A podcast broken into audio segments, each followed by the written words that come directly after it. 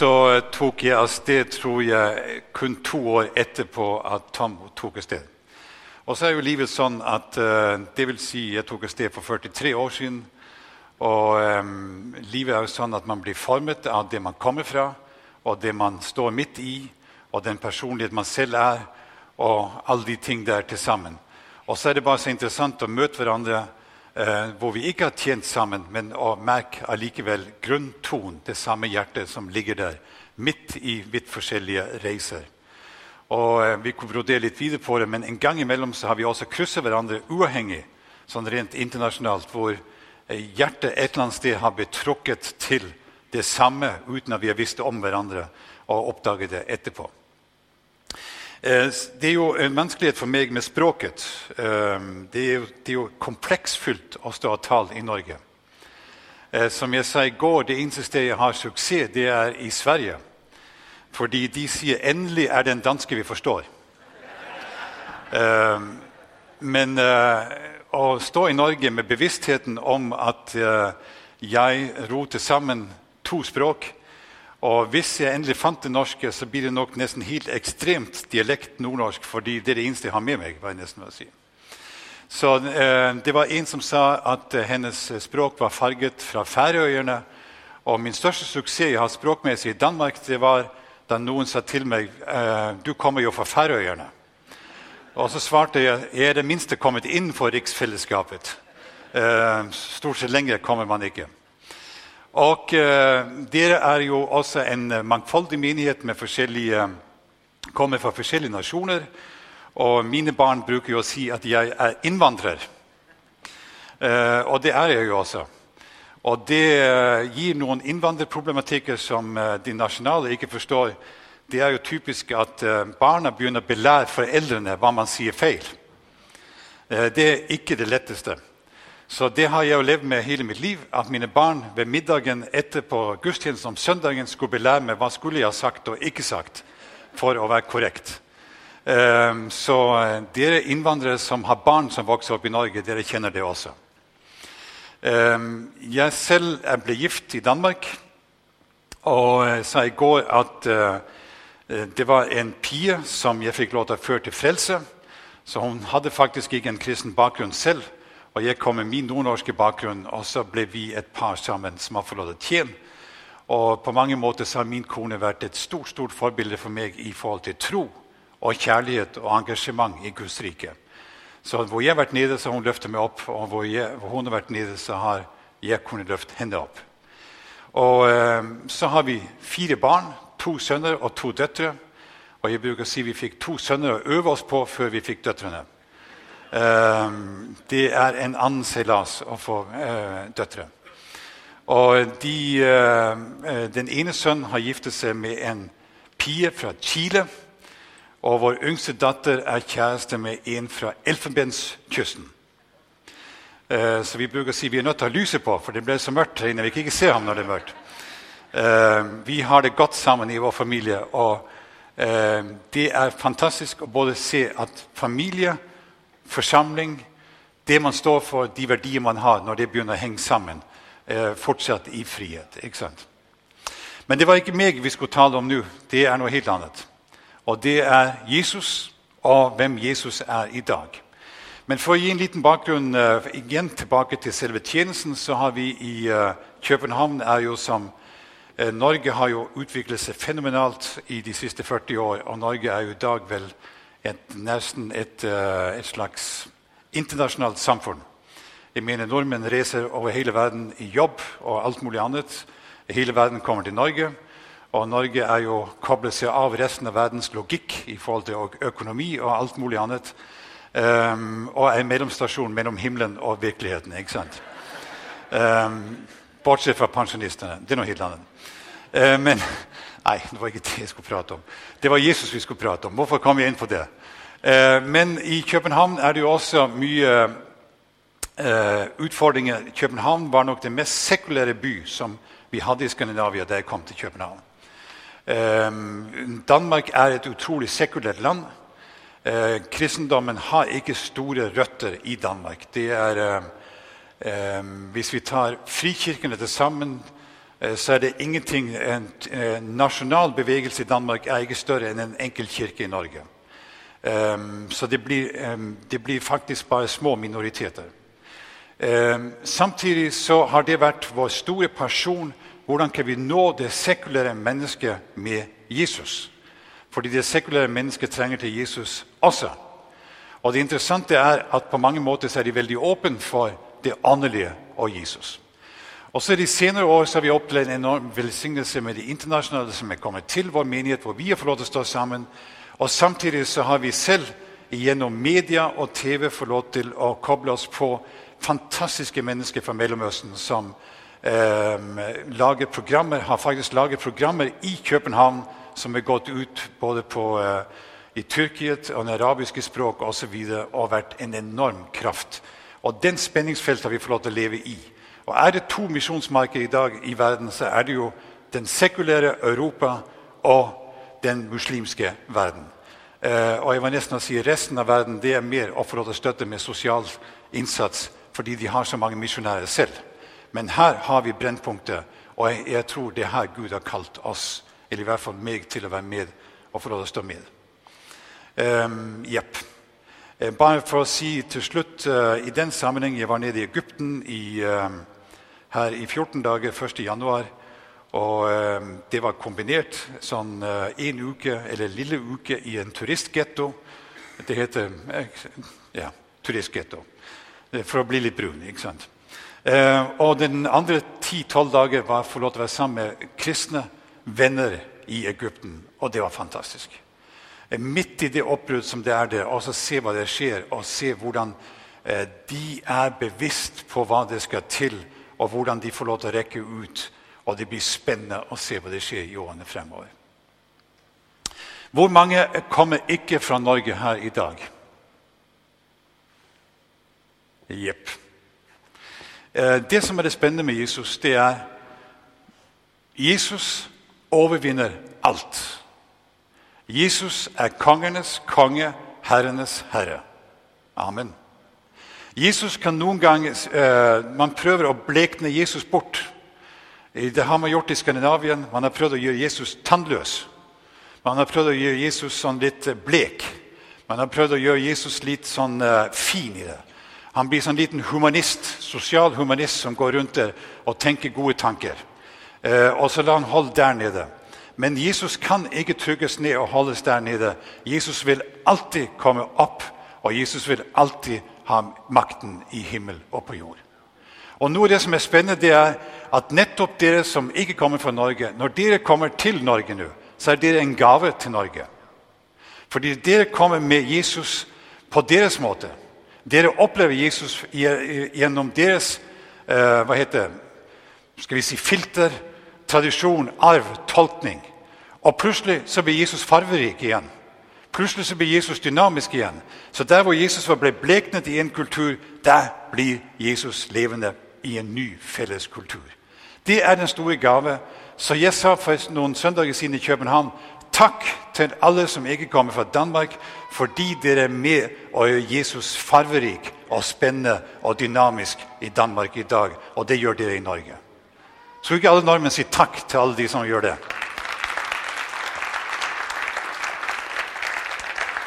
Så tror jeg også nordmennene har noe å by på, men det er noe fascinerende i det her. At begge parter kan få lov til å gi hverandre. I Danmark så blir vi så fine sånn at uh, du vet, begeistring det blir jo bare et lille håndtrykk. Ikke sant? Eh, og så er det jo skjønt når det kommer noen sydamerikanere og nesten ved å klemme innmaten ut av den. Og man, man er drukne i favn der. Uh, og I Danmark så kan vi bli sånn litt Ja, Jesus har gjort noe. Så er det fantastisk å plutselig høre noen som bare stamper i gulvet og er vilt begeistret for Jesus. Og vi trenger til hverandre. Og jeg tror faktisk den mangfoldighet den blir sterk. Men nå skal vi uh, gå til evangeliet, eller uh, forkynnelsen. Og Det her var innledningen, og så skal vi ha to timers preken. Um, så spenn sikkerhetsselene og sett dere tilbake. Um, jeg har, um, ja, jeg har prøvd å, skrive opp noen vers, de norske vers som jeg vil sitere fra. Men overskriften for det hele jeg vil si i dag, det er kristenlivet er relasjon og ikke prestasjon. Troen på Jesus er tillit det er ikke antakelse. Eh, liv med Jesus er ikke bud og regler, men livet med Jesus det er å tilpasse for å være så tett på som mulig for å få maksimalt fellesskap. Så det er relasjon, det er ikke prestasjon.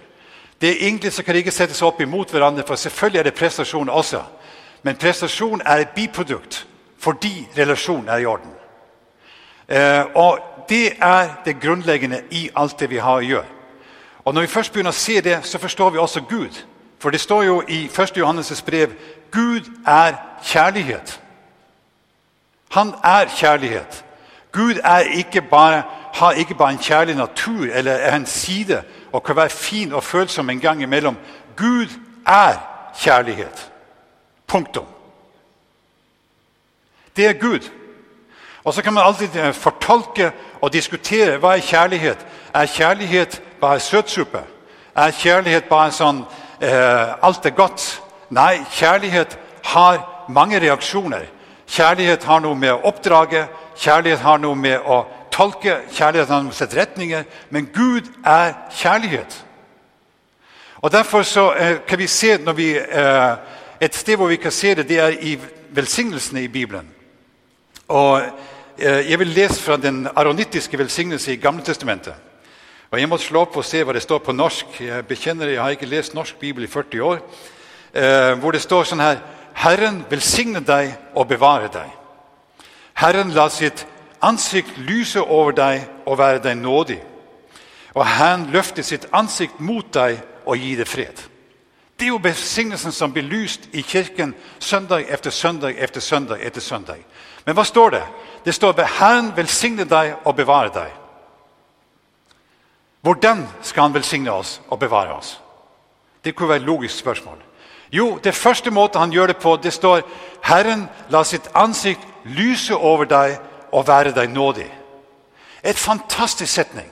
Hva vil det si? Det bildet jeg ser for meg, et ansikt lyse over meg, det er en far eller en mor som bøyer seg ned over en barneseng eller en vugge, og så nesten sier 'dikke, dikke', eller 'så smil nå', eller prøv å få kontakt. Ansiktet lyser over det barn. Sånn er Gud overfor oss. Det er hans ansikt som lyser ned over oss for at vi skal oppleve hans nåde. Og nåde her er jo ikke bare nåde la gå. Det var jo eh, et språk, et ord som blir brukt i mange retninger. Og her blir jo nåde det blir sjenerøsitet. Velvilje. Det blir eh, gunst. Han viser deg sin gunst, sin velvilje, når han lar sitt ansikt lyse over deg. Er det ikke det en far gjør eller en voksen gjør når de står seg over et lille barn og viser sin gunst. Sier man ikke gunst på norsk? Ja, Dere må ta litt hvis det blir noen feil ord. Eller sin sjenerøsitet, uh, eller sin velvilje, eller sin sympati. Hans ansikt lyser over oss. Det starter det med. Det er relasjon. Så står det videre i samme uh, velsignelse Herren løfter sitt ansikt mot deg og gir deg fred. Hva er det typisk som skjer når det er ufred? Man kan ikke se hverandre i øynene. Har dere prøvd å være i ufred med noen mennesker som ikke vil se dere i øynene? Jeg gikk sammen med en kollega en gang i sju år. Hun ville ikke hilse på meg. Uansett hvor mye jeg stakk hånden frem, og den hang der ute i luften, så ble den aldri tatt imot en hånd. Det er en uh, merkelig følelse. Men uh, jeg ville gjøre det av prinsipp, for jeg ville ikke tape. Jeg ville ha lov til å ha en utdrakt hånd. Men du har det allerede med øynene. Tør du å se hverandre i øynene, eller unngår vi hverandres øyne? Og typisk når det er kommet ufred, der ser man bort, eller man ser ned, eller man ser opp. Men hva er det Herren gjør? Han løfter sine øyne. Han ser inn i dine øyne, og det kommer fred i ditt liv. Alt starter med Gud er kjærlighet. Og premissene for kjærlighet er relasjon. Og relasjon blir ikke uttrykt i alt mulig mulig mystisk. Det blir uttrykt i han lar sitt ansikt lys over deg med velvilje og gunst. Han lar sitt ansikt, han ser deg i øynene med fred og gir deg fredstanker, og du kan slappe av, og du kan leve. Og nå er plutselig alt annet biprodukt av hovedproduktet relasjon. Amen. Det er jo det Paulus bygger videre på når han tar en nytestamentlig eller paulinske eller eh, apostolske velsignelse, hvor det står 'Herren Jesu Kristi nåde', Guds kjærlighet og Den hellige ånds samfunn være med dere alle. Det er jo nøyaktig det samme. Nåden, gunsten, velviljen. Også nåden på korset. Eh, eh, Guds kjærlighet kombinert med Helligånds samfunn, fellesskap. Gud er kjærlighet. Kristenlivet er relasjoner. Når vi har den premiss på plass, så er det det begynner å bli spennende. Og jeg tror at Guds kjærlighet er det mest energigivende og mest livgivende og livsforvandlende som fins på jordkloden. Vi sier faktisk I vår egen menighet så har vi en visjonsstatement som jo de fleste har i dag, eh, hvor vi sier at bølger av mennesker der opplever livsforvandling. Og livsforvandling sier vi, det er et enormt stort ord.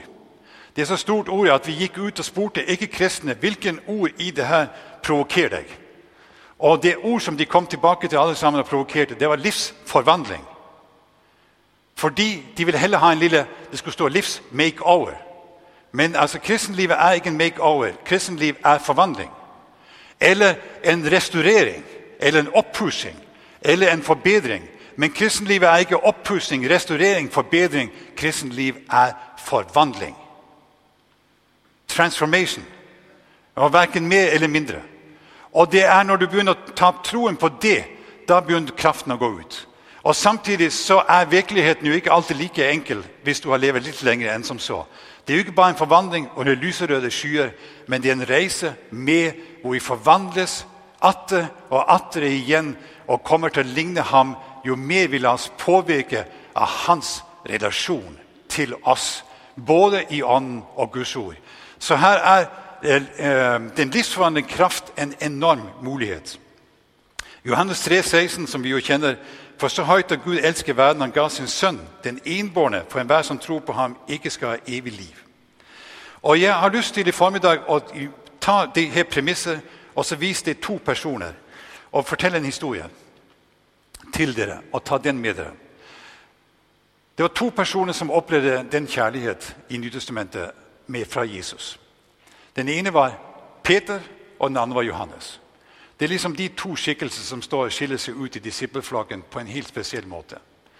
Og Det står om eh, Johannes I Johannes evangeliet så omtaler han seg selv hele tiden som den disippel som Jesus elsker. Det er jo nesten arrogant å stå og omtale seg selv som 'jeg er elsket'. Altså Hvis du gikk rundt og sa det i Bærum altså 'Jeg er en veldig elsket person', så vil nok noen folk begynne å tenke 'Hva, hva innbiller han seg?' Men i virkeligheten så var det faktisk eh, Johannes som hadde fått en avklart Jeg vil kalle ham for den avklarede person. Han hadde et avklart gudsforhold. 'Jeg er elsket'. Jeg ikke, jobber ikke med å bli elsket. Jeg er ikke periodevis elsket. Jeg er elsket. Jeg er en person som én elsker, og han som elsker meg, det er Gud gjennom Jesus Kristus. Er det ikke fantastisk? Og Samtidig så kan man si at det var ikke bare en avklart person, det er det perfekte selvbildet. Hvis du skal jobbe med ditt selvbilde, så er det jo en evighetsoppgave du har. Da jeg ble teenager, stort sett da Tom reiste hjemmefra, da begynte jeg å oppdage meg selv. Jeg så meg selv i speilet og fikk et sjokk. Jeg fant ut at jeg har arvet min fars nese. Og ble helt forskrekket. Hvordan skulle livet gå med den lange nese? Og jeg begynte å få hva heter bomser, kviser. Og jeg tenkte, jeg sa til min mor det er din skyld. Det kommer fra din familie. Hvordan skal jeg klare meg med det? Og så videre, og så videre. Og sånn kan jo hele livet gå på oppdagelse av noe fra oss selv som er et evighetsprosjekt. Nei, rett løsning er å se hvem er Gud gjennom Jesus Kristus. Og når jeg ser det, og ser jeg er elsket, så har jeg fått det ultimative selvbildet. Så kan det godt være nesen er for lang, eller nesen er for krum, eller nesen er for bøyet, men jeg er elsket. Det er grunnlaget. Det er det jeg lever og dør på. Og alt det annet det kan, ja, Noen vil ha makeover, og noen vil leve med det, og noen har det godt uten det osv. Men vi er elsket. Den disippel Jesus elsket. Så har du Peter. Han hadde litt mer ambivalent liv. En fascinerende fyr. Jeg tror nesten eh, jeg speiler meg mer i Peter enn Johannes. Eh, Peters, den der litt impulsive type, som fra starten av hadde noe radikalt møte med Jesus. Og så eh, er han klart en ledertype. Og Jeg har lyst til å bare nevne et par episoder. Den ene gang hvor Peter jo klart viser hvem han er, eh, hvor Jesus sier til disiplene alle går. Jesus var litt, De hadde drømt om paradis, evig gratis mat, billig sosialhjelp og det hele fra Jesus. Og Plutselig begynner det å gå opp for de her disiplene. Det er ikke det Jesus byr på. Han byr på et annet slags rike. Og Så begynner de å sive ut. Sier Jesus til disiplene, vil dere også gå? Og så sier Peter, den store logikk. Hvor skal vi gå hen? Det er, har jeg oppdaget, det er faktisk et gjennombrudd i mitt kristenliv. Det er når jeg sier ja, det er vanskelig, men hva er alternativet? Ja, det her forstår jeg ikke, men hva er alternativet? Og Det var det Peter var kommet inn i. Hvor skal vi gå hen? Jeg har ikke andre sted å gå hen. Han ble en ledertype som satte et skille ned, og disiplene holdt seg til det. Men hvem har ikke prøvd å være skuffet? Er det noen her i formiddag som noensinne, aldri, aldri noensinne har vært skuffet siden du kom til tro på Jesus? Altså som har vært troende lenger enn fem år?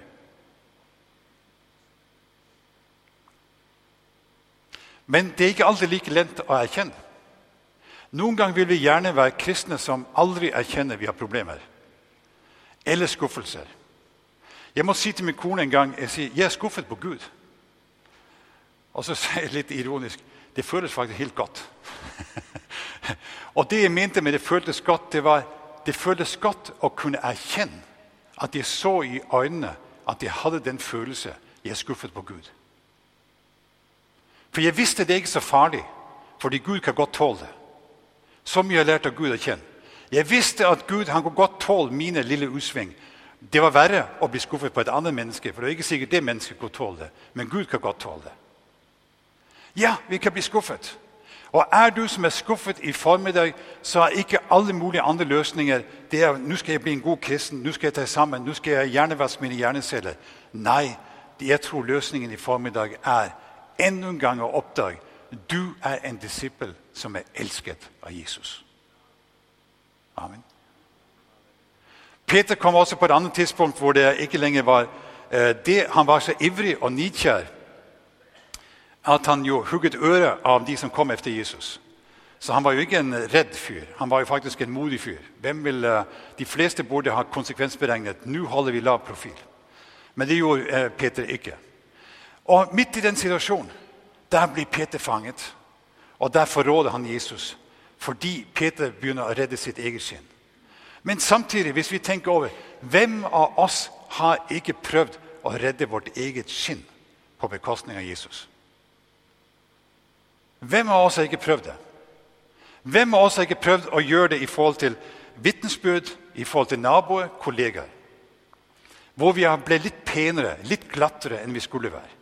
Hvem av oss har ikke prøvd å gjøre det i forhold til økonomiske prioriteringer? Hvem av oss har ikke prøvd å gjøre det i forhold til drømmer og ambisjoner, hvor vi tenkte eh, vil Gud oss det beste? Jeg hadde en periode i mitt liv hvor jeg sa på denne måten jeg er redd for at Gud er meget uenig. Hvis jeg vil til Russland, så sender han meg til USA. Vil jeg til USA, så sender han meg til Russland. Jeg følte han ville det motsatte av meg hele tiden. Inntil jeg fant ut av sånn er Gud ikke. Han vil det beste for meg. Slapp av, Jarle. Han vil det beste. Og egentlig så spør han som de fleste ganger så sier han ikke du skal gjøre det og det. Han spør hva har du lyst til. Og noen få ganger så sier han du skal gjøre det og det. Fordi nå er det viktig. Det er det viktigste og det beste for meg. Men som regel så sier han bare 'Hva har du lyst til?' Gud er kjærlighet. Og Gud ønsker ikke vi skal leve med skuffelse. Gud ønsker heller ikke vi skal leve hvor vi feider ut. Men Peter gjennomlevde de alle sammen ting. Og nå er det at Jesus han er død, og han er oppstått fra de døde. Og nå skal de møtes i Galilea. Og Så kjenner dere historien fra Johannes 21, dere, eh, og jeg siterer bare fra Bibelen i formiddag. Eh, hvor eh, Jesus Peter tar og sier Jesus, det tar altfor lang tid før han kommer. Skal vi ikke ta ut og fiske? Det er sånn litt handyman. Så de tar ut og fisker, og de fisker hele natten og får ingenting. Og Det Peter ikke oppdager, det er han er tilbake til utgangspunktet. Kan dere huske da dere ble frelst? Er det noen av dere som kan huske den dagen hvor du sa ja til Jesus, og et nytt liv startet for deg? Yes. Ikke, du behøver ikke alltid å huske for når du ble frelst, men kan du huske et høydepunkt i livet hvor du bare vet ja, jeg har en god relasjon med Gud? Kan du huske sånn? Sånn event, en episode, en encounter med, med Jesus. Peter visste ikke han må komme tilbake til nøyaktig den samme situasjonen som det hele startet med da Jesus sa 'følg meg', hvor han hadde fisket en hel natt uten å få fisk. Og Så råper Jesus innenfor bredden, som de ikke visste var Jesus. Så sier han, 'Kast garnet ut på den annen side.' Og Så kaster de garnet ut på den annen side, og så er det fylt med fisk. Og hva skjer det så? Jo, det skjer det at Johannes, den avklarede disippel, den disippel med et avslappet selvbilde, den disippel som bare visste hvem han var, den disippel som ikke brukte på energi på å spekulere på alt det der, den disippel som Jesus elsket, han sier hm, det der det er typisk Jesus. Jeg gjenkjenner den der mønsteret der. Og så sier han det til Peter. Og Peter, i all sin fortvilelse, i all sin fornektelse, i all sin kompromiss, han kaster seg ut av båten og svømmer inn til Jesus. Og hva skjer når han kommer inn til Jesus? Jesus sitter ved bredden, og så har han laget et bål. Og så har han lagt noe brød og noe fisk på bålet og er klar til et stykke måltid mat med Peter. Er det riktig? Jesus hadde det hele. Og så er det plutselig Jesus sier til Peter Peter, kom med noen av dine fisk også. Vi legger dem på. Er det ikke fantastisk? Jesus behøvde ikke Peters fisk. Peter hadde fått fisk så han var ved å drukne nesten. Og Jesus behøvde dem ikke. Han hadde allerede fisk på bålet. Fisken det luktet. Peter, kunne lukte Nystekt ørret. Altså det bare, simpelthen Duften kom opp mot hans uh, nese der. Uh, alt var på plass. Og så sier Jesus nei, nei, nei. Du skal få lov til å ta noen av dine fisk og legge på også. Nå skal vi ha et riktig godt måltid sammen. Det er jo faktisk i parentes. Det er det som skjer når vi får lov til å være med og ofre til misjon. Jesus behøvde i prinsippet ikke våre penger. I prinsippet så kunne han ta Nasjonalbanken og bare ta det hele. Jesus behøvde ikke I prinsippet kunne han skapt diamanter hvis han ville. I, prinsippet så behøvde han ikke oss som partner, men han ønsker vi skal ha et måltid med ham. Derfor sier han, 'Vær med meg. Kom med dine fisk også, som jeg har hjulpet deg til å få.' Som jeg har gjort et mirakel for i ditt liv. La oss legge noen stykker av dem på bålet, og nå skal vi ha et felles måltid. Peter må ha vært fullstendig Han må ha vært nærmest beruset i forvirring. Hva skjer det i det her alt sammen? Og så er det Jesus starter en samtale med Peter, hvor Jesus kunne ha begynt en samtale med teologisk emne. Hvem er jeg? Hvem, hvordan er treenigheten? Hva står det i Gammeltestamentet om meg? Og så videre, og så videre. Men Jesus gjorde det ikke. Det gjorde han med Emmaus-vandrerne. Der hadde han den innsikt hvor det Emmaus-vandrerne plutselig det faller som skjell for deres øyne, skjell for deres øyne, og de sier var det Jesus som utla Bibelen på den måten. Men Jesus gjorde det ikke her.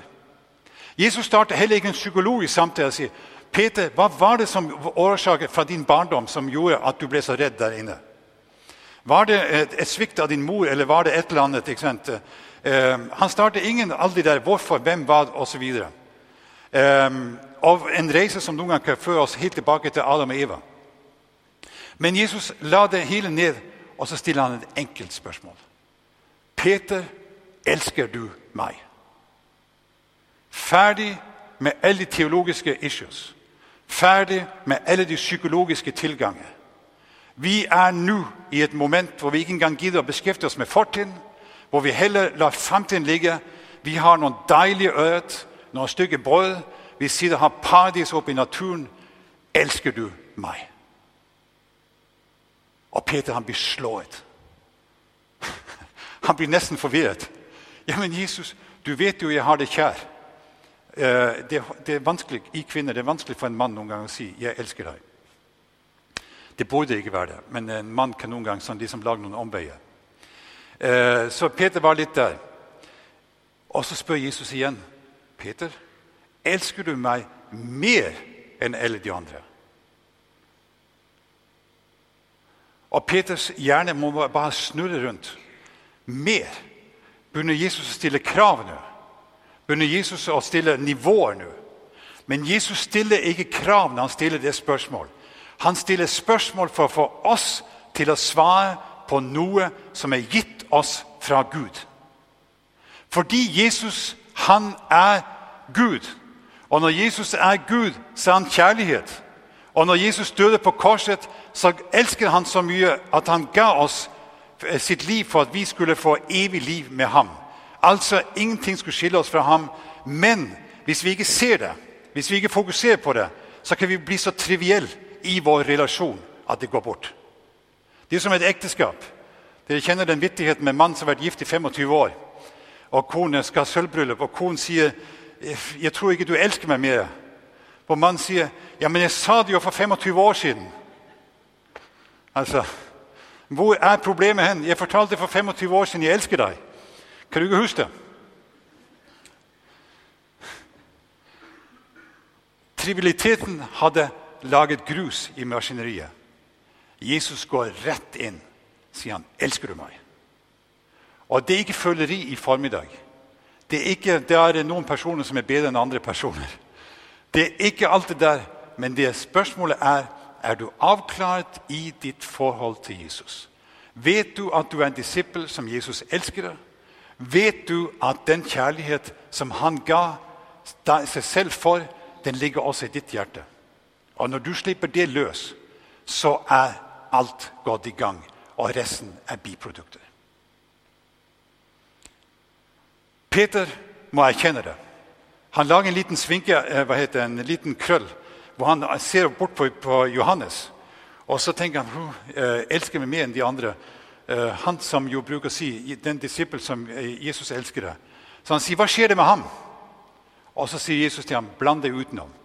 Det er ikke spørsmål om sammenligning med andre. Det er ikke spørsmål om sammenligning med resten av byen. Det er ikke spørsmål om sammenligning med noen andre. Det er kun spørsmål om én ting. Deg og meg. Deg og meg.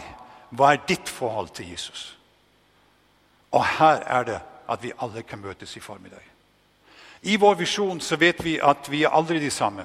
Vi, vi, I vår kirke jobber vi med vi kan være forskjellige.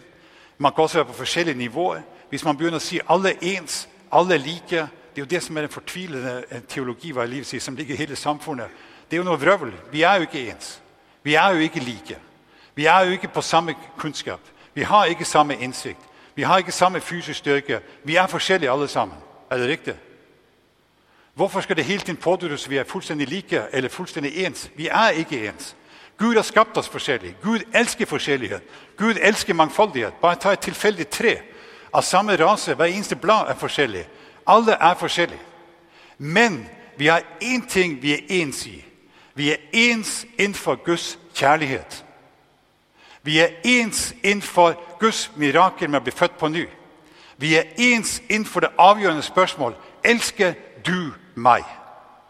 Jeg elsker deg. Der er vi ens, og der blir vi aldri ferdig. Der kan jeg stå med han som har sagt ja til Jesus for to minutter siden. Og Det samme spørsmålet gjelder meg som det gjelder ham. Hvorimot at jeg kan ha en helt annen teologisk innsikt enn han som er for to minutter siden, som knapt har funnet ut av uh, Gud firkantet eller Gud rund, eller hva han for noe. Hvor jeg vet, har en helt annen innsikt i tingene. Men kjærligheten, der møtes vi fullstendig ens. Når det gjelder å romme Helligånd, der møtes vi fullstendig ens.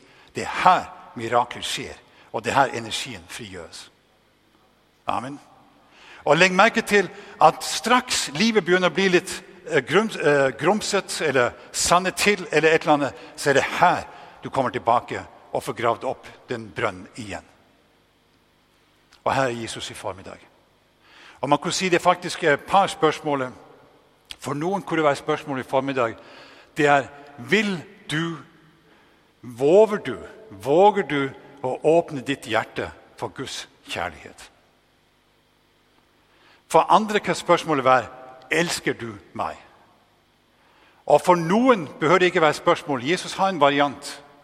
Og Det er til noen av oss som har vært med i mange år, hvor han sier jeg har det imot deg at du har sviktet din første kjærlighet. Så Det sier man ikke til noen som man ikke elsker. Så er det jo uinteressant. Men hvis man er i et forhold, en relasjon, hvor kjærligheten betyr noe, så er det viktig at man gir tid til å få den første kjærlighet frem igjen. Og her er han. Jeg er overbevist om at det dere er i gang med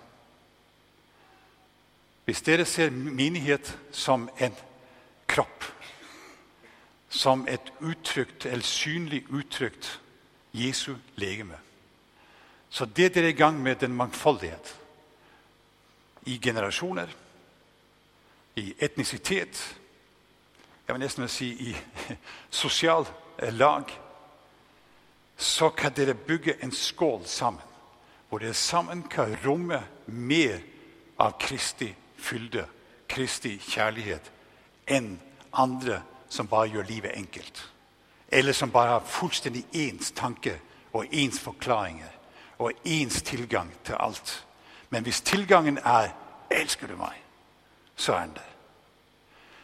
Det er hva Bærum, Sandvika, hele Oslo-området trenger til.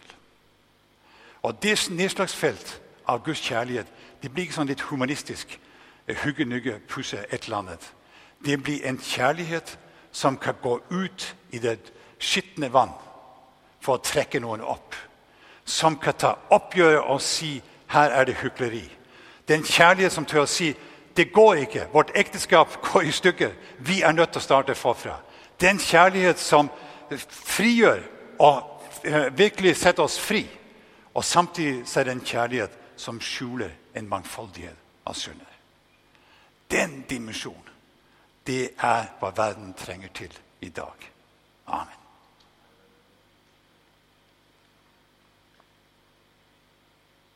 Hva kan vi så gjøre? Ta imot. Evangeliet er ingenting annet. Bibelen starter i første Mosebok, slutter Johannes' åpenbaring. Med at Gud kom til Adam og Eva, og slutter Johannes' åpenbaring ved at Ånden sier 'kom'. Kom. Ikke sant? Det er. Det, det, Gud kaller oss, lokker oss. Gud vil være sammen med oss. Det er Gud som kommer til oss. Han kom til oss på jorden. Det er Gud som har betalt regningen. Det er Gud som banker på døren. Det er Gud som prøver å lokke døren opp. Det er Gud som kaller oss til å åpne døren. Det eneste du gjør, det er å ta imot ta imot. Og så se ham. Og så begynner det å skje noe. Og resten, alt annet som vi hører om, det er biprodukter.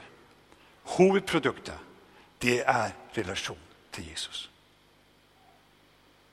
Skal vi la oss fornye oss i dag? Måske vi skulle stå opp. og Jeg kunne godt tenke meg lovsangen kom her opp. tror vi en stund hvor vi tilbad Jesus. Og når vi tilber Jesus i dag, så er det jo en spennende dimensjon vi er i. Fordi Jesus han er Han sitter ved Faderens høyre hånd i himmelen. Ikke sant? Der er han. Han har, ser over hele jordkloden. Samtidig er han her. Og her er han ved sin ånd inne i mitt hjerte og inne i ditt hjerte. Det er ikke sikkert han er i ditt sinn det vet du best selv i dag. Men han er i ditt hjerte hvis du tilhører Jesus. Men i formiddag så vil han ikke bare være i ditt hjerte. Han vil ut fra ditt hjerte. Han vil opp i ditt sinn. Han vil gjennom din kropp. Til legedom, til tilbedelse, til befrielse. Han vil ikke bare gjennom din kropp. Han vil over til hverandre, hvor vi sammen kan få lov til å oppleve at yes, vi Det er ikke lenger meg, det er vi. Det er oss. Vi er en flokk. Men han er ikke fornøyd. Han vil at enda lenger ut. Han vil videre ut i Bærum, han vil videre ut i Sandvika, han vil videre ut i Norge. Han vil videre ut i resten av verden. Han vil videre til Iran. Han vil videre ned i Mellomøsten. Og vet du hva? Gud, han er stor nok. Det fantastiske er at han ville gjennom oss. Efter banket på hos oss. Og det er derfor vi skal nå åpne oss for ham.